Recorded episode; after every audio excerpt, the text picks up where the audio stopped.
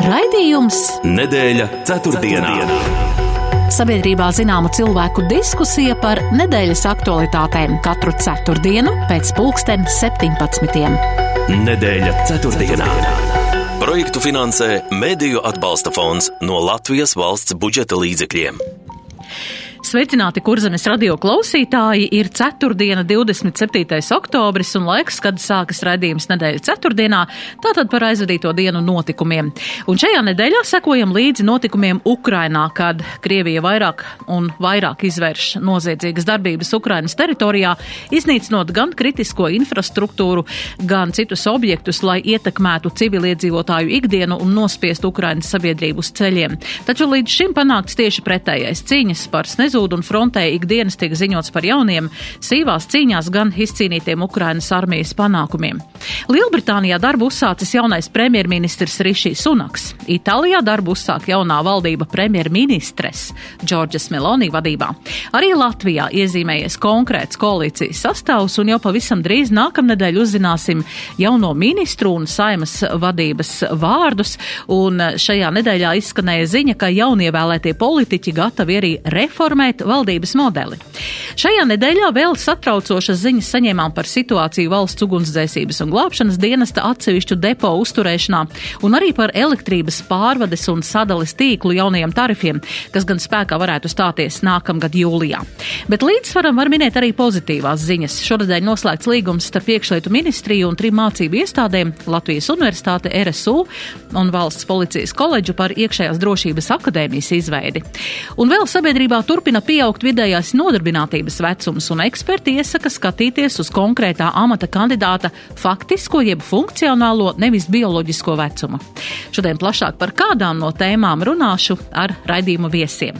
Un tie ir TV24, ētera personība, žurnālists Kārlis Streips. Labdien! Labdien! Un akciju sabiedrības kurzemes radio padomas priekšsādātājs Edgars Čeporjus. Labdien! Labdien! Un ievadam man jautājums šāds ir oktobra pēdējā nedēļa, un, protams, mums tas saistās ar kādām patīkamām, varbūt netik patīkamām pārmaiņām, jo jau svētdien piedzīvosim maķenīt gaišākus rītus un stipri tumšākus vakarus. Proti atkal griezīsim pulksteņa rādītājus šoreiz stundu atpakaļ. Vai jūs esat gatavi jaunajam miega režīmam un ko domājat par šo procesu, kas nebeidzās un nebeidzās? Sākšu ar jums, Kārli. Es personīgi nekad neesmu sapratis cilvēkus, kuri apgalvo, ka tā pulksteņa grozīšana viņus izsit no ritma trīs stundas, trīs mēnešus pēc kārtas. Man labāk patīk tajā, protams, tā, tā, kad tiek iegūta stunda, nevis, kad tiek zaudēta stunda, bet tā nav nekāda katastrofa manā dzīvē. Es, es nezinu, ka, ka, cik vārgi ir cilvēki, ja tiešām tā kaut kas viņus izsit no ierindas. Jā, Edgars, kā ir ar tevi? Nu, es arī neredzu nekādu problēmu šai, laik, šai pulksteņa griešanā. Un šī pielāgošanās, kuru pauž daži cilvēki, man arī nav saprotama. Jo nu, tad līdzīga, līdzīgi droši vien slikti viņiem būtu jājūtās aizbraucot uz Vāciju un atbraucot atpakaļ, jo ar Vāciju arī šķiet mums ir stundas laiks starpībā ar Poliju. Tā ka nu, tā nav nekāda problēma, manuprāt. Un, Un uh, es pat uh, arī droši vien atbalstītu to, ka, ties, ka tiek saglabāta šī laika griešana, jo nu, diskusijas par to, ka to nu varētu izbeigt, uh, turpinās jau kādu laiku. Jā, tas turpinās jau vairāk gadu garumā par šo procesu, bet nu nekas, kamēr nekas nav mainījies, mēs tomēr pulksteņus griezīsim un turpināsim pierast pie jauniem apstākļiem. Es domāju, ka nu, trīs mēneši diez vai, diez vai tas būtu tādā garumā jāpārdzīvo, bet es domāju, jo mazāk mēs par to domājam, jo vieglāk ir arī par to pārdzīvot. Jā, bet nu kā mēs pārdzīvosim jaunās pārmaiņas, kas būs tagad uh, mūsu. Uh, valdībā un saimā, jo šajā nedēļā mēs esam nonākuši līdz tam, ka nu, mēs skaidri zinām, ka būs trīs partiju koalīcija. Tātad, un, un, uh, un interesants ir fakts, ka Zaļo un Zemnieku savienība ir iesniegusi knabam vērtēt iespējamo tirgošanās ar ietekmi, uh, kā viņa rīcībā veidojot jauno valdību, piedāvājot tātad jaunu ministriju veidot un, uh, un piedāvāt to progresīvajiem, kaut gan viņi tā kā nebūtu valdībā. Kā jūs visus šos procesus kopā šobrīd vērtētu un, un kāds varētu būt arī, eh, teiksim, konkrēti šis jautājums par ZZS un knabu? Edgars, varbūt sākšu. Nu, š, šī atbilde droši vien, kad uh, nevar būt īsa, bet uh, nu, es viņu tomēr mēģināšu paust īsti, jo jautājums ir ļoti plašs un par to vien Jā, mēs varētu ves, runāt Jā. veselu vakaru. Bet uh, šo procesu es vēroju mm, ar tādu zinām interesi un nedaudz kā izklaidi. Nu, kaut vai palasot Twitterī ārlietu ministra esošā dažādas ieraksts gan par, gan par galdniecības izstrādājumu vērtēšanu un galdu kāju skaitīšanu, un kas tik vēl te tagad nebija. Bet, nu, mēs tagad redzam, ka, ka galdam visdrīzāk būs trīs kājas, un, manuprāt, šis iznākums ir gana labs, gana saprātīgs, nu, to, cik stabila būs valdība To nu mēs redzēsim drusku vēlāk, jo nu, jās, es neesmu pilnīgi pārliecināts, ka pilnīgi viss kājas ir pašas kā vienots veselums no šīm trīs atlikušajām šobrīd. Kas attiecas uz ZZS ierosinājumu, tas, protams, šobrīd jau parāda topošai koalīcijai, kāds, kāda opozīcija viņas sagaida. Protams, ka šī ZZS ziņa tādam viņu vēlētājam uh, jo viņi iespējams ir sākuši jau gatavoties nākošajām parlamenta un pašvaldību un Eiroparlamenta vēlēšanām. Šī ziņa viņiem, protams, kad viņu vēlētājiem parāda to, kad, kad šis politiskais spēks nesamierināsies ar tādu sēdēšanu opozīcijā, bet pat par, sevi, pat par sevi, protams, ka šī, manuprāt, šis iesniegums knabam ir smieklīgs jo, un nepamatots, jo, nu, kā gan savādāk var notikt vispār jebkādas sarunas, ja puses par kaut ko nemēģina vienoties un saukt šo par tirgošanos ar ietekmi, um, nu tad uh, veselā virknē ZZS uh, vadīto pašvaldību, tā skaitā Dobos pašvaldībā, kur, kur, kurā Valāņa kungs tur darbojās, nu tur laikam bija tas pazīmes stipri nopietnāks vēl. Jā, Kārli, jūsu skats uz šo visu procesu. Nu, pirmkārt, no zaļajiem zemniekiem prom aizgāja gan bijušais premjerministrs uh, Kučīnskis, gan aizsardzības ministrs Bergmanis, kuri tagad ir apvienotajā sarakstā. Tas nozīmē, ka būtībā uh, tur zemniekos ir palikušas vecās mēbeles. Brigmanis ir atpakaļ ievēlēts sājumā, bet tā ir ļoti, ļoti, ļoti veca mēbele. Un kamēr viņi turpinās turēties pie sava sutenera, kā es viņu mēdzu saukt, nekas nemainīsies citu partiju attieksmē. Viņi, viņi paši apgalvo, ka bez sutenera viņi nebūtu tikuši pie 17 vietām. Tas ir labākajā gadījumā diskutabls jautājums. Bet man interesantākais šajās sarunās bija paziņojums no ministru prezidenta, ka nekas no valdības nesanāks, ja nenonāks pie kopsaucēja attiecībā uz satversmes tiesas spriedumu par vienzimuma tiesībām. Un mēs varam skaidri sagaidīt, ka Nacionālā apvienība savu aizspriedumaino pretestību nekādā gadījumā netaisās pamest, un tādā gadījumā jautājums ir par apvienoto sarakstu. Progresīvie noteikti balsos par, viņiem programmā ir runa par geju laulībām un, un bez, bez jebkādiem aplinkiem.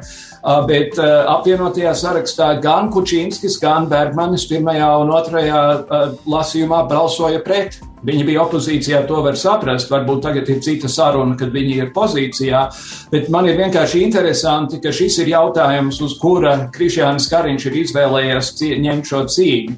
Protams, nevar vienkārši ignorēt satversmes tiesas spriedumus. Ja mēs dzīvojam valstī, kur konstitucionālo tiesu var vienkārši ignorēt, tad acīm redzot, mums nav tiesiska valsts. Bet, eh, bet es nezinu, vai tas ir tas jautājums, ar kuru sākt sarunu par to, kā valdība veidot. Jā, vēl ir šis interesantais eh, tagad tā gatavība reformēt arī pašu valdības modeli. Tātad veidojot, izvirzot prioritātes un veidojot arī tādas vairāk līmeņu šo ministriju kā, darbu. Vai jūs esat par to kaut kā varētu varbūt klausītājiem to savu viedokli, to savu skatījumu? Nu, konkrēti bija, ko arī progresīvajiem piedāvāja, un tā bija jauna ministrija, un tā būtu, piemēram, vidas un enerģētikas ministrija, kas tā kā, nu, būtu zem, eh, nu, vai tā būtu jauna ministrija, vai tas būtu tā kā ar varam kopā, nu, īsti skaidrības tā kā nav, bet kā jūs redzat šo te pārbīdi tieši uh, nu, valsts pārvaldē šajā, šajā valdības modelī, Kārli? Te ir valsts prezidenta pirksts. Pirmām kārtām valsts prezidents ir tas, kurš ir runājis, ka nav pietiekami darīts attiecībā uz atjaunojamiem energoresursiem un visu pārējo. Un viņš ir teicis, ka viņš saskata vajadzību šādai ministrijai, jo to nevar atstāt tikai vidas aizsardzības kontekstā. Uh, Vai būtu bijis loģiski ņemt cilvēku no progresīvajiem un likt viņu tās ministrijas vadībā, bet nebūt ministru kabineta loceklim? Tas, būtu, tas man liekas, izskatītos diezgan dīvaini. Un tas arī nozīmētu, ka attiecīgajam ministram ministru kabinetā ne tikai nebūtu nekāda garantēta atbalsta, nebūtu arī iespēja piedalīties ministru kabineta politikas veidošanā. Un no šī viedokļa skatoties, es, es absolūti piekrītu progresīvajiem lēmumā, ka tā kaut ko viņiem vajadzēja noraidīt bet viņiem būs ļoti grūti, manuprāt, viņi, viņi gandrīz automātiski balsos kopā ar jauno vienotību gandrīz visos jautājumos. Viņi ir liberāli noskaņoti, viņu elektorāts ir liberāli noskaņots. Elektorāt, elektorāts būtu bijis priecīgāks, ja būtu attīstībai pārtikusi atpakaļ iekšā saimā. Tad būtu pavisam cita saruna par šīm lietām, bet tā saima ir tāda, kāda viņa ir. Manuprāt, interesantais ir, ka būs krietni raibāka opozīcija šoreiz nekā bija iepriekš. Iepriekš bija saskaņa un zaļie zemnieki un, un vesela sērija frakcijām nevajadzīgo deputātu, kas visu laiku piekasījās par dažādām lietām. Tagad mums ir stabilitāte. Šonadēļ žurnālā ir, ir ļoti interesants materiāls par Rosļikovu, kas ir stabilitātes vadītājs un kas tas ir pa putnu. Mēs redzēsim, kā viņi uzvedīsies, kā viņi rīkosies. Mēs redzēsim, ko darīs Šlesera grupa, kas ir iekļuvusi atkal saimā, ja mēs gribam runāt par mēbelēm un dinozauriem. Uh, līdz ar to opozīcija, man liekas, būs uh, kolorīts pasākums Jā, tā izklausās. Vēl jau arī nav zināms, eh, nu, šobrīd visi tā smuka mēs ejam ar partijām saimā, bet eh, tie neatkarīgi deputāti jau rodās pēc tam no kaut kādām nesaskaņām partiju iekšienē vai apvienību iekšienē. Edgar, par jauno šo, šo piedāvāto reformēto valdības modeli. Ne, nu, valdības modelis, eh, tas, ka ga, laika gaitā viņš būtu jāreformē, un tas, ka šobrīd ir diezgan liela pārmaiņa apstākļi, to varētu veicināt, un iespējams, ka tā doma par par uh, enerģētikas jomas atdalīšanu un, un, un pārdalīšanu daļai no ekonomikas ministrijas, daļai no varam ir pareiza, bet skaidrs, ka tam ir jābūt pilntiesīgam ministram, ministru, kabinetā ar balstiesībām. Jo pretējā gadījumā šis nu, speciālais ministrs vai, vai ministra izstrādājums kas ir politiska, politiska amatpersona, kam nav, kas nav izpildītājs. Viņš nav neizpildītājs, nu, viņš zem viņa tālāk droši vien ir valsts sekretārs un tam līdzīgi, bet viņš nav īsti arī politisko lēmumu pieņēmējs, viņš ir tāds, nu jā, tāda kompromisa uh, figūra. Tā kā, nu, šim ministram turklāt nu, gan svarīgās, nozīmīgās jomās enerģētikā šobrīd viņiem būtu jābūt ministra kabineta uh, loceklim pilntiesīgam. Uh, un, un skaidrs, ka tas jau neuzbūvētu veselu ministriju ar, ar, ar visu ierēģiņu aparātu, jo, protams, kad, kad šie, šie ierēģiņi pārdalītos. Uh, bet, uh, nu, es nezinu, cik strauji tas būtu izveidojams un, un, un, un izdarāms. Tā, ka, Bet pienesums tas būtu? Es domāju, ka tas, jā, ka tur varētu būt kaut kāds pienesums, jo būtu skaidri atbildīgas, atbildīgs, atbildīga persona par šiem enerģētikas jautājumiem šobrīd nu, ir tā, ka mums ir zaļa enerģija, tad mums ir ekonomikas ministrija ar gāzes iepirkumiem un tālāk, un tālāk vēl starp citu, nu, kaut vai, kaut vai tu pieminēji jau sadals tīklu un Latvijas energo tur kapitāla daļa īpašnieki ir atšķirīgas ministrijas. Un, un skaidrs, ka nu, tur arī ir grūti saskaņotos viedokļus reizēm tā, ka konsolidācija attiecībā uz enerģētikas jautājumiem droši vien, būtu veicama. Jā. Nu es domāju, ka varam, vispār varam ministrija kā tāda, viņi ir ārkārtīgi daudziem pienākumiem un funkcijām. Es domāju, ka uh, tas ir ļoti liels aparāts, ko varbūt tiešām būtu liederīgāks sadalīt. Tā kā viens ir vides aizsardzība, un otrs ir reģionāla attīstība. Bieži vien šie, šie jautājumi, nu, viņi ir abi tai ministrijai, bet, nu, netiek pietiekoši varbūt līdz galam kā, izpildīt kārdu, kā jūs domājat. Nu, sāksim ar to, ka, ka 13. sājumā varam uzmanību aizņēma pirmkārt administratīva teritoriālā reforma, kas bija milzīgs projekts un milzīgi daudz darba un smaga nešana sājumā. Abos otrajā un trešajā lasījumā bija simtiem priekšlikumu, darīsim to tā un nedarīsim šādi, tur, bet tur bija vairākas plenārsēdes vajadzīgas. Bija jautājums par Rīgas pašvaldību, kuru varams padzina un sarīkoja ārkārtas vēlēšanas.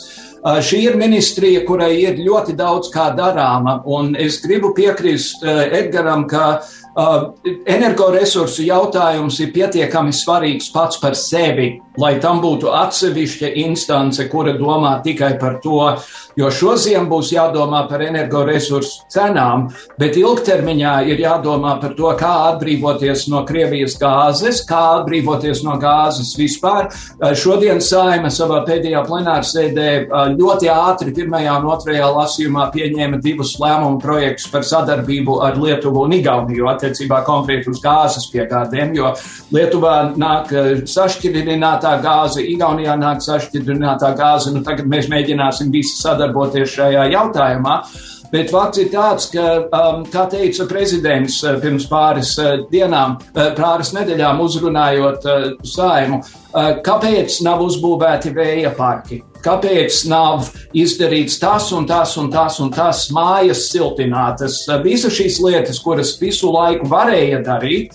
Es nesen tulkoju vienu dokumentālu filmu par vēja parku, parku attīstību Latvijā, un tur bija cilvēks no Dānijas, kurš stāstīja, ka Dānijā principā visa, visa enerģija nāk no vēja parkiem, un arī tur cilvēki teica, manā sētā nē, bet nu, cilvēki aprada ar to. Es uzskatu, ka atsevišķa ministrija domāt konkrēti par tām lietām būtu sakarīga un loģiska lieta. Jā, pilnīgi noteikti, un cerams, ka tā arī būs. Nu, to mēs redzēsim, bet, eh, nu jā, kas attiecas, teiksim, uz Kārļa pieminētiem vējparkiem, eh, tās, tas eh, man ir, nu, nācies nedaudz stāvēt blakus vējparka attīstībai vienai, un es redzēju, cik smagnēji tas notika, un, un, un faktiski iemesli droši vien ir vairāki. Gan tād, gan viens iemesls ir tas, ka ekonomikas ministrija šo enerģētikas jomu kūrē, un ir vesela virkne dokumentu, kas jāskaņo, jāskaņo pie viņiem, un vidas ministrija savādāk šo vidas jomu kurē, un, un viņas nevienmēr ir, skatās vienā virzienā un skatās pilnīgi pretējā virzienā, un tad vēl, jā, uzrodās uh, iedzīvotāji kopienas, kuras uh, pat, uh, nu, protestē pret uh, to, ka mainīsies viņu dzīves kārtība, bet dzīves kārtība mainīsies arī tad, ja vienkārši nebūs elektrības mājās. Un, un, tas ir tāds ļoti smagnējs un sarežģīts jautājums, un tādēļ arī šo vēja parku mums nav. Nu, mums ir uz rokas pirkstiem ja skaitā. Par tiem, par tiem dokumentiem. Uh, šonedēļ tika kā liels sasniegums pasniegts fakts, ka uz robežas ar Baltkrieviju tagad ir izbūvēti 15 km sētas. Uh, lai gan robeža ir 177 km. Lietuva savu daudz garāko robežu sētu uzbūvēja ļoti ātri, ļoti pilnīgi, un tas projekts ir pabeigts. Kāpēc Latvijā nekliedz vairāk par to, ka katru reizi, kad ir kāds projekts, ir vajadzīgi 700 dažādi dokumenti, 400 dažādi paraksti, 300 dažādi vīzējumi, un vēl, un vēl, un vēl, un vēl, un vēl. Un tas tikpat labi attiecas uz šiem vēja parkiem, kā uz mūri gar eh, Baltkrievijas robežu. Tas ir nožēlojami vienkārši. Jā, bet interesanti arī šo vēja parku attīstībā ir tas eh, punkts, kad it kā tā ir tiešām attīstība. Eh, tas ir tātad šie neatjaunojamie, šie atjaunojamie energoresursi, bet tā pašā laikā arī tiek šis te, nu, šī prasība, šo, šo iedzīvotāju viedoklis, un ja tas viedoklis ir pret, kā vispār to risināt? Kāpēc tas tiek prasīts, bet tajā pašā laikā, uh, nu, ar to, nu, iedzīvotājs skatās, ka ar viņiem nerēķinās, kaut arī viņi ir pret, bet tas arī ir pret valsts attīstību. Nē, nu, tur ir jāsabalansē tā, tās intereses, un tur jau ir tāds uh, sabiedriskā kopējā labuma vērtējums, un, protams, kad, kad iedzīvotājiem viņš vienmēr būs subjektīvs, bet, uh, bet ir jāsaprot, ka šīs divas, trīs ir viens sēts, tomēr viņu dzīves kvalitātes pasliktināšanās nu, nav līdzvērtīga. Es nezinu, nu, 50 tūkstošu maisaimniecību dzīves kvalitātes uzlabošanai. Otra lieta, kad nu, šos pašus veiparkus mēs par viņiem runājam, neviens jau šos veiparkus neuzbūvē pagalmā. Ir šīs minimālās, šie minimālie attālumi, Uh, kuro, no kuriem ir jāatrodas šim, šim vēja turbīnām, atkarībā no šo vēja turbīnu augstumu un, un tam līdzīgi. Bet, bet nu, protams, ka Latvijā jau vispār tā ir tāda fundamentāla problēma, kad kādā apdzīvotā vietā, kā likums, jo klusāka vieta, jo skaļāk protesti ir tad, ja nu, kādu vēl, rūpnīcu vēlas uzbūvēt, cilvēki no vienas puses ir sašutuši par to, ka viņiem nav darba vietu un, un pašvaldībai nav naudas, nav nodokļu ieņēmumu, un no otras puses tajā brīdī, kad kāds vēlas uzbūvēt kādu rūpnīcu, tad ir, nu, tad ir šūmēšanās un, un iebildumi. Un, bet savādāk jau tās rūpnīcas, tie vēja propelleri un, un tās investīcijas jau nenotiks. Nu, vienmēr būs kādam nedaudz jāpiekāpjas. Jā, es tagad domāju par to, vai tur nav arī šī te, um, kļūda tajā, ka nav vispār komunikācijas ar šiem vietējiem iedzīvotājiem, ka vienkārši atnāk, atbrauc onkls ar naudu un pasaka, es te gribu sabūvēt uh, ģenerators vai kaut kādu rūpnīcu uzcelt, bet, bet nav varbūt pietiekoši izskaidrojums tam iegūmam iedzīvotājiem tur ir nevis izskaidrojama problēma, bet emocijas. Es domāju, ļoti daudz uh, par komunikāciju runājot. Sabiedriskās apspriešanas visiem šādiem projektiem ir jautājums ir par to, cik viņas uh, ir apmeklēts īpaši sākotnēs ieceras stadijā. Jā, nu tas ir jautājums, kas vienmēr, vienmēr, es domāju, tur būs grūti atrast kopsaucēju, bet, nu jā, ir jābūt, kā saka, uh, gan, gan, vai ne, gan, gan cilvēku iegūmus jāredz, gan arī, nu jā, ir. Um, ir jāpiekāpjas pie kādiem varbūt nērtiem, nērtiem apstākļiem, kas varbūt ir jā. Nu, tā tas ir. Kārli, kā jūs domājat par šo te tieši par iedzīvotāju attieksmi? Jums varbūt ir grūtāk par to, ka jūs Rīgā dzīvojat, bet uh, reģionos dzīvojot, tas ir tāds, uh, nu, tāda ikdienišķa parādība. Nu, kas te man uz lauka tagad būs uh, vēja ģenerators? Nu, stārķu nebūs, medus nebūs, nekā nebūs, ja būs tikai ģenerators. Jā. Jā, nu tā, tā filma, kuru es tulkoju, tur tie, ir tieši tas, ko Edgars teica. Ir ļoti stingri noteikumi attiecībā par attālumu starp šīm dzirnavām un apdzīvotām vietām. Es atceros garās diskusijas, kādas ilgu laiku laukos ir bijušas par ārzemniekiem, kuri pērk lauku zemi, un tā nevar. Mēs izpārdodam savu zemi, mēs, mēs padodam savu zemi. Kas ir labāk? Atstāt to zemi tukšu, atstāt viņu neapstrādātu vai ļaut Dānim tur darīt, ko nebūtu viņš grib darīt. Ja, ja viņam ir cūku ferma, kas taisa lielu smaku, pirmkārt, cūkas taisa smaku, arī latviešu cūkas taisa smaku, bet otrkārt, tas nav labā, tas nav sliktāk nekā, ja tas laukum, lauks vienkārši paliktu pilnīgi tukšs, un tas nozīmētu mazāk darba vietu, un tas nozīmētu lielāku izmirstību laukos. Man liekas, ka cilvēki nevienmēr īpaši padomā par to, kas viņiem tiešām ir vajadzīgs. Viņiem ir šīs instinkts, es negribu neko mainīt, man ir labi tā, kā ir, es negribu neko redzēt, kas mainīs manu, manu apkārtējo vidi. Bet, kā teica, teica Edgars, diviem, divām maisaimniecībām varbūt būs neērtības, bet 50 tūkstoši maisaimniecības tiks pie lētākas, tīrākas energoresursu pieejamības. Tās nav salīdzināmas lietas, bet ir fakts, ir ļoti stingras prasības par sabiedrības informēšanu un par vidas ietekmes izpētīšanu un visu pārējo šādu projektu kontekstā.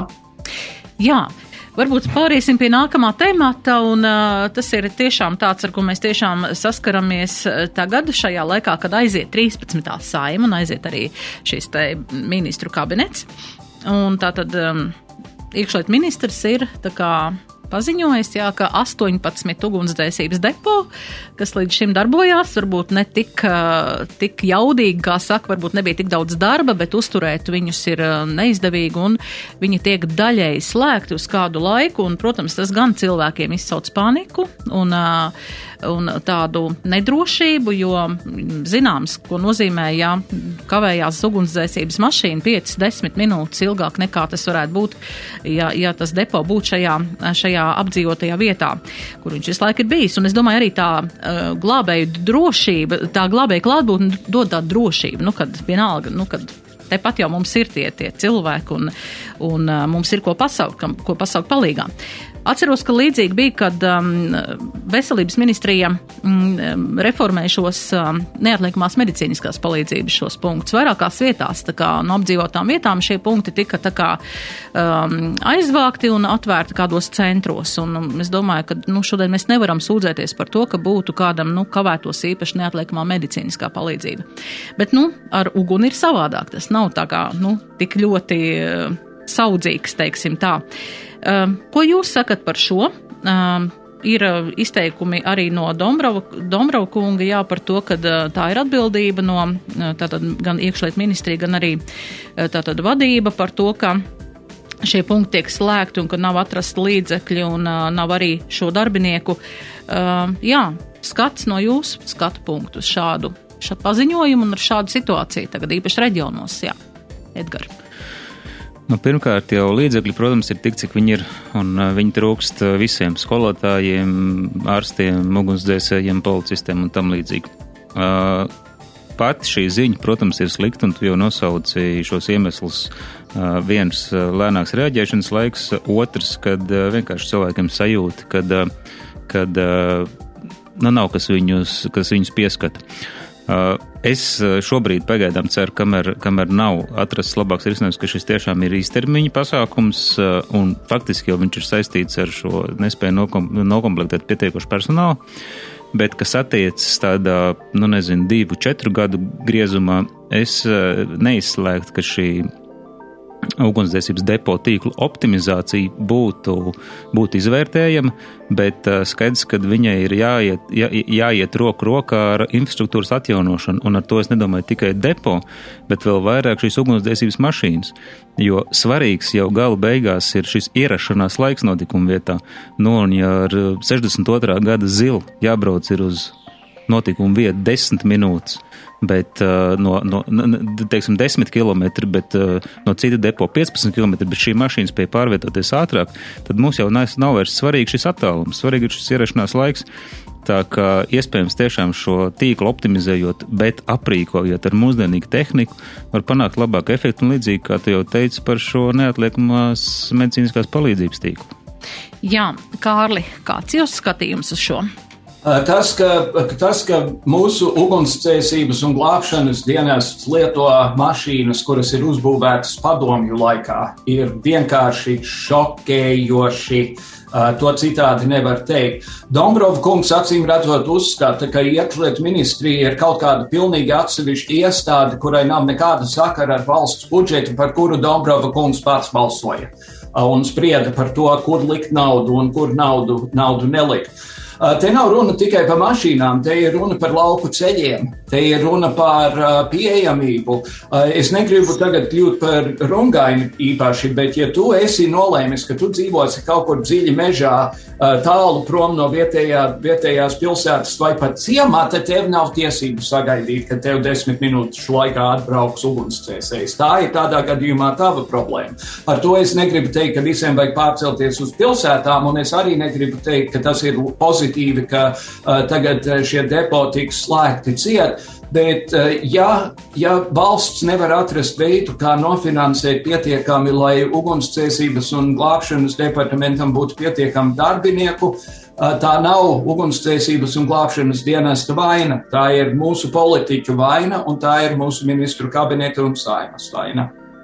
Jā, nu ir uh, priekšlikums no iekšlietu ministram. Starp citu, Kārli, jūsu spriedums bija diezgan skarbs, klausoties, bet nu, tā ir patiesība. Jā, ar to ir jārēķinās, ja mēs izvēlamies tiešām attālās vietās dzīvot. Bet iekšlietu ministrs tā kā ir uh, minējis tādu priekšlikumu veidot līdzīgi kā zemesārds, veidot arī tādu ugunssārds dienestu, kas būtu kā vairāk arī kā brīvprātīgs, līdzīgi kā zemesārds ar brīvprātīgiem cilvēkiem un aprīkot šos, šīs te vienības ar ar, ar, ar attiecīgu transportu un attiecīgu šiem, šiem resursiem. Um, jā, šāds risinājums. Un vispār brīvprātīgo ugunsdzēsību biedrības, mēs atceramies, kādreiz tādas bija, tagad tās ir likvidētas. Man liekas, vienā vietā, kaut kur, man liekas, Jēkapilī vai kur es lasīju, kaut kur vēl ir palikušas, jā, bet, nu, tas ir tā tāds, arī tāds risinājums. Es, tas, tas varētu būt drīzāk tāds risinājuma mēģinājums, jo, nu, šeit es nevaru nepiekrist Kārlim par viņu skarbo, par viņu skarbo vērtējumu, vairāk par šo politisko atbildību, bet uh, ejot šādu ceļu, beigās varbūt, visas uh, valsts funkcijas ir jāpārliek, uh, viņas jāpadara brīvprātīgas, un tad varbūt mums vairs nevajag vispār uh, dienests, bet uh, brīvprātīgie skolotāji, brīvprātīgie mediķi, brīvprātīgie policisti un tam līdzīgi. Nu, tas, nav, tas nav ilgtermiņa risinājums. Uz, uz šo brīvprātību nevar uzbūvēt valsts pamata aizsardzību. Jā, tā varētu būt, jā, Kārli par ugunssardzi, par šādu priekšlikumu? Uh, ja, ja citādi nevar, tad, tad lai tā būtu. Man ir grūti iedomāties, ja viņi nevar nodrošināt nepieciešamo tehniku profesionāliem ugunsdzēsējiem, ko viņi dos kaut kādai brīvprātīgo grupiņai, kas atrodas kaut kur vidzemes laukos vai kurzemes laukos vai zemgales laukos.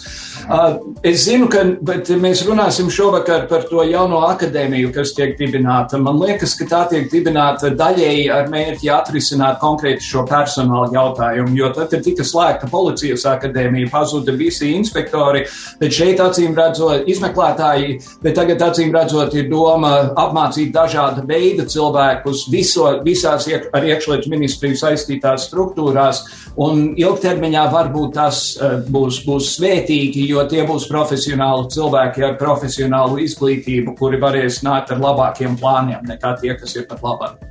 Jā, nu, starp citu, arī aizsardzības ministrija, kad piedāvā šo uh, valsts aizsardzības dienestu, tad arī šīs prakses vietas un šīs, uh, tas arī varētu būt saistīts tieši ar iekšlietām izvēles uh, formātā, kā tur ir piedāvāts. Nu, tas, tas, ja mēs runājam par valsts aizsardzības dienestu, tad, kad būs, es ceru, ka nekad nebūs, bet ja būs šī krīzes situācija, konflikts situācija, tad jau vairs nedalīs, kurš kuram dienestam īsti ir piederīgs, bet tad tiešām vērtēs, ko kurš prot un kur, kād, kādiem darbiem ir piemērots katrs cilvēks. Un, un skaidrs, ka pamatfunkcijas uh, ugunsdzēsējiem, policistiem un karavīriem joprojām paliks, bet tas, ka kaut kādā brīdī tās funkcijas, nu, šie spēki tiks novirzīti kaut kādu konkrētu uzdevumu īstenošanai, tas tā notiks un iespējams, ka mūsu nelielajā valstī šāda starpdisciplinārs treniņš varbūt noderīs, ka šis cilvēks kļūs par tādu nedaudz kā emulātoru, ka viņš kaut ko saprot no visa. Viņam, teiksim, nav šī ļoti dziļā specializācija, bet nu, viņš spēj kaut kādā līmenī reaģēt uz dažādām problēmām. Jā, mums ir maz reklāmas pauzīt, un pēc tam vēl paturpināsim. Nedēļa ceturtdienā. ceturtdienā.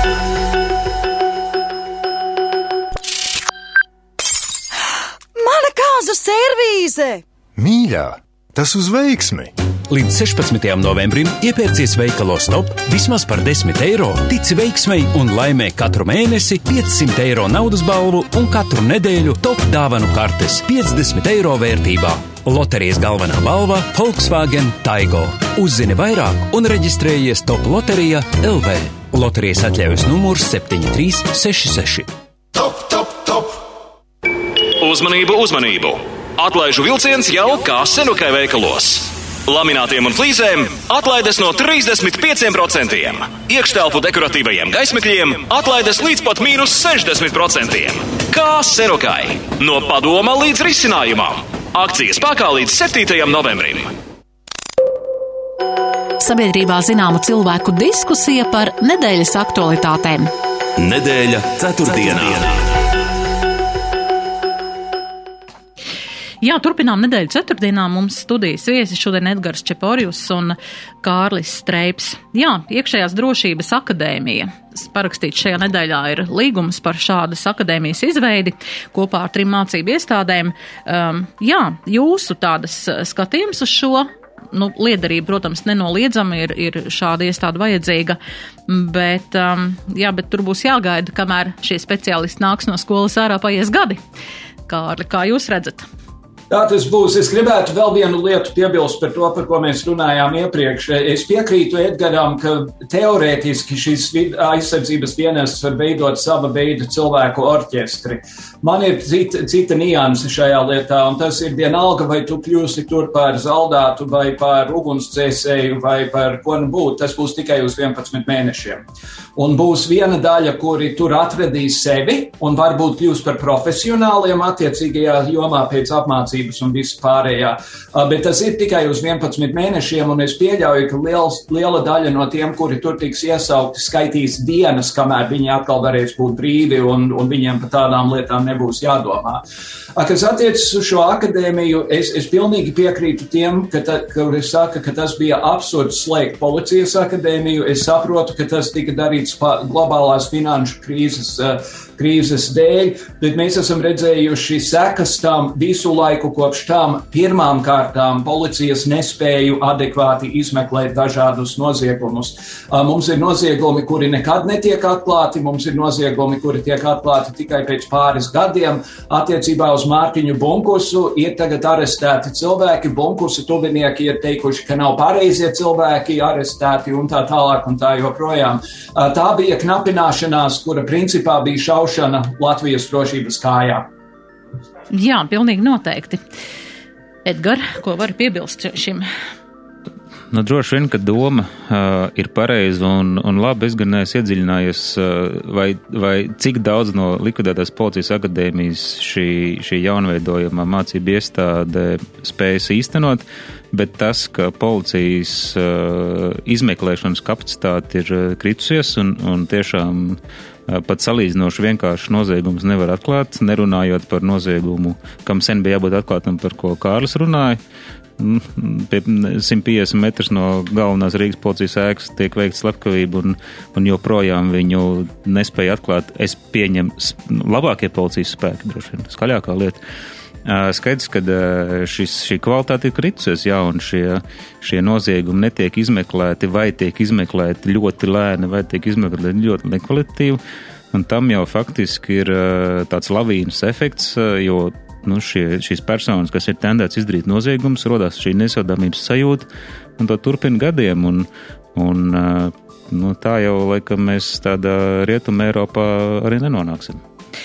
Jā, nu, ja runājam par šiem, um, par policistiem, es uh, momentā neatrodu, man bija tāds labs, uh, tāds skaitlīts uh, sameklēts, ka patiesībā mums uz iedzīvotāju skaita patiesībā ir diezgan daudz policistu, vairāk, piemēram, nekā Somijā. Bet te pašā laikā mums ir, nu, tā kvalitāte tam tā kā nav. Kad bija tāds rosinājums arī tā kā pārskatīt vispār šo policijas vispār struktūru, šo, šo visu, nu, to uzbūvi, kā tas notiek, ja, kāpēc, kāpēc tāds ir izveidojies šāda situācija. Un šeit jau nav runa īsti par, par, par varbūt par izglītību vai izglītības iestādi, bet tieši to, ka mums tā kā skaitliski uh, uz iedzīvotāju skaita tagad ir pietiekami, bet ko viņi dara, kāpēc, kāpēc notiek tā, kā notiek? Es pieļauju, ka tas ir daļēji tāpēc, ka algas arī policijā ir kritiski zemas ļoti daudzos gadījumos.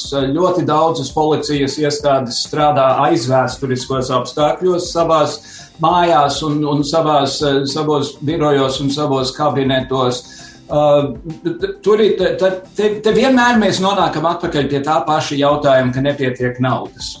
Un cik lielā mērā uh, tas tagad tiks risināts? Es, es par Somijas policiju nezinu pilnīgi neko. Es nezinu, piemēram, vai viņiem ir atdalīta valsts policija no pašvaldības policijām un tā tālāk un tā joprojām, kā tas ir pie mums. Uh, Um, cik man ir bijusi saskare ar policiju, tas nav bijis daudz, bet tie cilvēki vienmēr ir bijuši ļoti pretīmnākoši un izpalīdzīgi. Un tajā ziņā vienreiz pie manis atnāca policija par kaut ko runāt, un, un speciāli zinot, ka es esmu no Amerikas, atsūtīja policistu, kas prot latviešu valodu, uh, lai nāktu līdz cilvēkam, kurš policistam, kurš latviešu valodu neprata. Viņi ir bijuši ļoti izcili.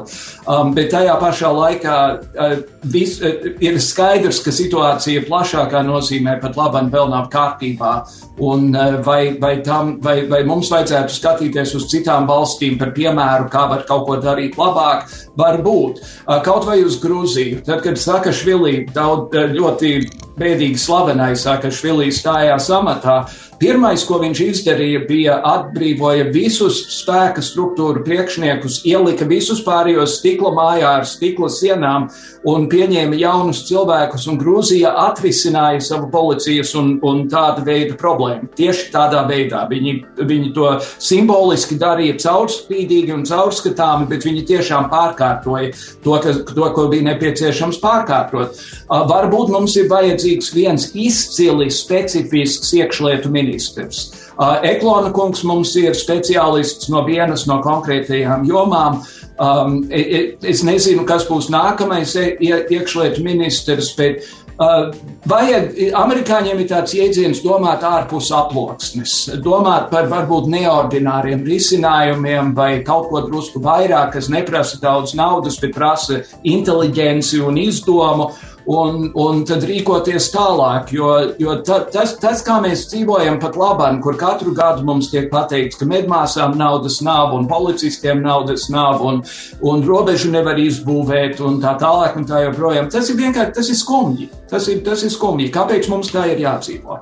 Jā, nu es atradu, tas fakts ir tāds, ka Somijā ir, um, mums Latvijā ir divas vai trīs reizes lielāks policijas darbinieku skaits nekā Somijā uz iedzīvotāju skaitu. Nu, pirmā lieta, ko es gribēju piezīmēt, ka nav īsti korekti salīdzināt Latviju ar Somiju ne dēļ policistu skaita, bet dēļ uh, sabiedrības uh, kopumā, jo es pieņemu, ka es neesmu ar Somijas statistiku, protams, iepazinies, bet noziedzības līmenis tur ir uh, stipri zemāk un zemāks, un sabiedrība ir atbildīgāka un uh, likumpaklausīgāka. Uh, kas attiecas uz policistu skaitu, neskatoties uz to, ka šobrīd, nu, kā tu teici, ir liels šis policistu skaits, vai tās ir štatvietas. Nu, mēs dzirdam, ka uh, katra trešā štatvieta nav aizpildīta. Nav aizpildīta. Uh, līdz ar to šis pareizais policists skaits, uh, nu, viņš ir.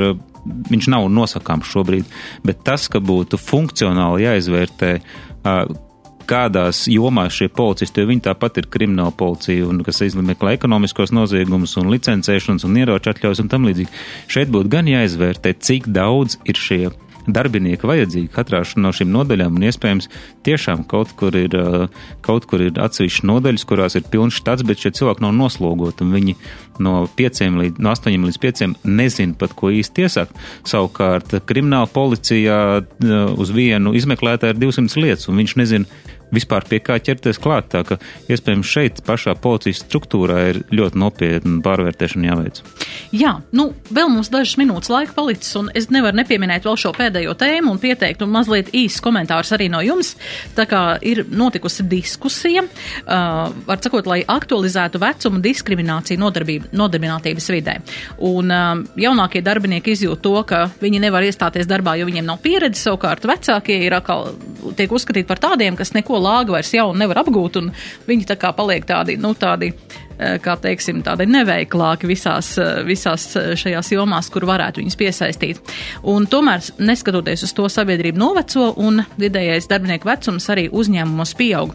Un šeit ir tā, ka, ka darba devējiem tiek, nu, tā kā vērst uzmanību ieteikts uz to, ka skatīties nevis šo bioloģisko, bet šo funkcionālo vecumu, ja, kad arī šos darbiniekus, kas ir varbūt vairāk gados, tā kā tā kā apmācīt un, un ļaut viņiem jaunas jomas apgūt, savukārt jaunos, savukārt pieņemt un ņemot vērā viņu šo enerģiju un, un visu to un, un ievadīt tā kā, nu tā kā mums ir tāda palikusi tāda, tāda plaisa starp šo, starp šiem nodarbināto vidē, var sakot, starp šiem vecumiem.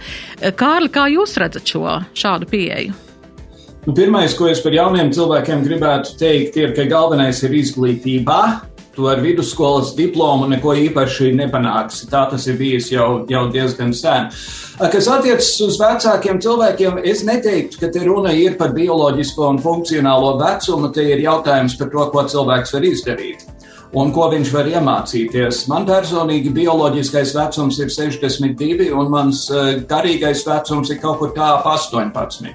Es esmu gatavs mācīties jaunas lietas. Es esmu, es esmu iecirtīgs savās tradīcijās. Man, piemēram, nav nekad mobilais telefons bijis pieslēgts internetam. Man tas nav vajadzīgs. Es visu dienu esmu pie ekrāna, un es nekad neesmu sapratis, ko cilvēki tajā mazajā, mazajā ekrāniņā var saskatīt. Tādā nozīmē es esmu tradicionāls. Bet es, es varu joprojām cilvēki, cilvēkiem mācīt žurnālistiku. Es varu joprojām katru dienu vadīt, veidot savu raidījumu un, un, un to vadīt vadīt. Un, uh, tam nav nekāda sakara ar to, ka man ir 62 un nevis 42 un nevis 82 gadi. Jā, un vēl jauniešiem, protams, ir arī svarīgi šī uh, darba novērtējums un pakāpīt uz augšu, Edgars. Jā, bet jauniešiem tas, ko viņi aizmirst, ļoti bieži ir adekvāts savu spēju novērtējums un tāda īsta motivācija kaut ko darīt, jo, jo jauniešiem ļoti bieži ir novērojams, ka viņi nespēja ilgstoši noturēt uzmanību, viņiem viss ātri apnīk, un, un tas droši vien ir, nu, esošās tehnoloģiju, tehnoloģiju mm, vides nopelns. Uh, bet kas attiecas uz, uz uh, vecākiem cilvēkiem, nu, kā Kārs teica, ir jāstāsta, ko šis cilvēks prot vai ko viņš ir uh, gatavs iemācīties. Un gal beigās vai viņš patiešām grib darīt to, kādu viņš šeit ir atnācis. Un, un tam ir jābūt vienīgiem izšķirošiem. Motivācija, vēl mācīties un prasmes, nu, ja piemīt šīs pirmās divas lietas, tad prasmes visdrīzāk, kad šis cilvēks iegūs. Jā. Un ātri, ātri ja drīkst Jā. arī saglabāt dzīves kvalitāti. Amerikā pensionāri un gados vecāki cilvēki mēdz strādāt McDonaldos un tādās vietās. Tas vienkārši viņam dod pa dienu kaut ko, ko darīt, nevis sēdēt mājās. Viņi kaut ko nopelna blakus pensijai. Tas ir arī dzīves kvalitātes jautājums. Pilnīgi noteikti. Un es domāju, tā kā Kārļi, jūs arī teicāt, mācīties, mācīties un mācīties arī jebkurā vecumā turpināt to darīt un iet līdz laikam līdz ar to. Nu, ko jāsaka liels paldies par šī vakara sarunu, par dalību raidījumā. Novērtēju jūsu viedokļus un ceru arī klausītāji novērtē un ieklausās un arī paskatās uz dzīvi ar jūsu acīm. Jā, TV24 ētera personība žurnālists Kārlis Streips. Paldies, Kārlis, šovakar par dalību. Un, Paldies par uzaicināšanu. Un akciju sabiedrības kurzemes radio padomas priekšsēdētājs Edgars Čeporis. Paldies arī Edgar tev. Paldies tev. Un raidījumā piedalījās tātad šie divi kungi, raidījuma producente Anda Andersone, pie skaņu pults bija mana kolēģe Adelīna Anna Ziemele, raidījuma vadīja Dace Blūma un uz sadzirdēšanos turpmāk. Raidījums Nedēļa ceturtdienā. ceturtdienā. Sabiedrībā zināma cilvēku diskusija par nedēļas aktualitātēm katru ceturtdienu pēc pulksten 17. Nedēļa ceturtdienā. Projektu finansē Mēdīju atbalsta fonds no Latvijas valsts budžeta līdzekļiem.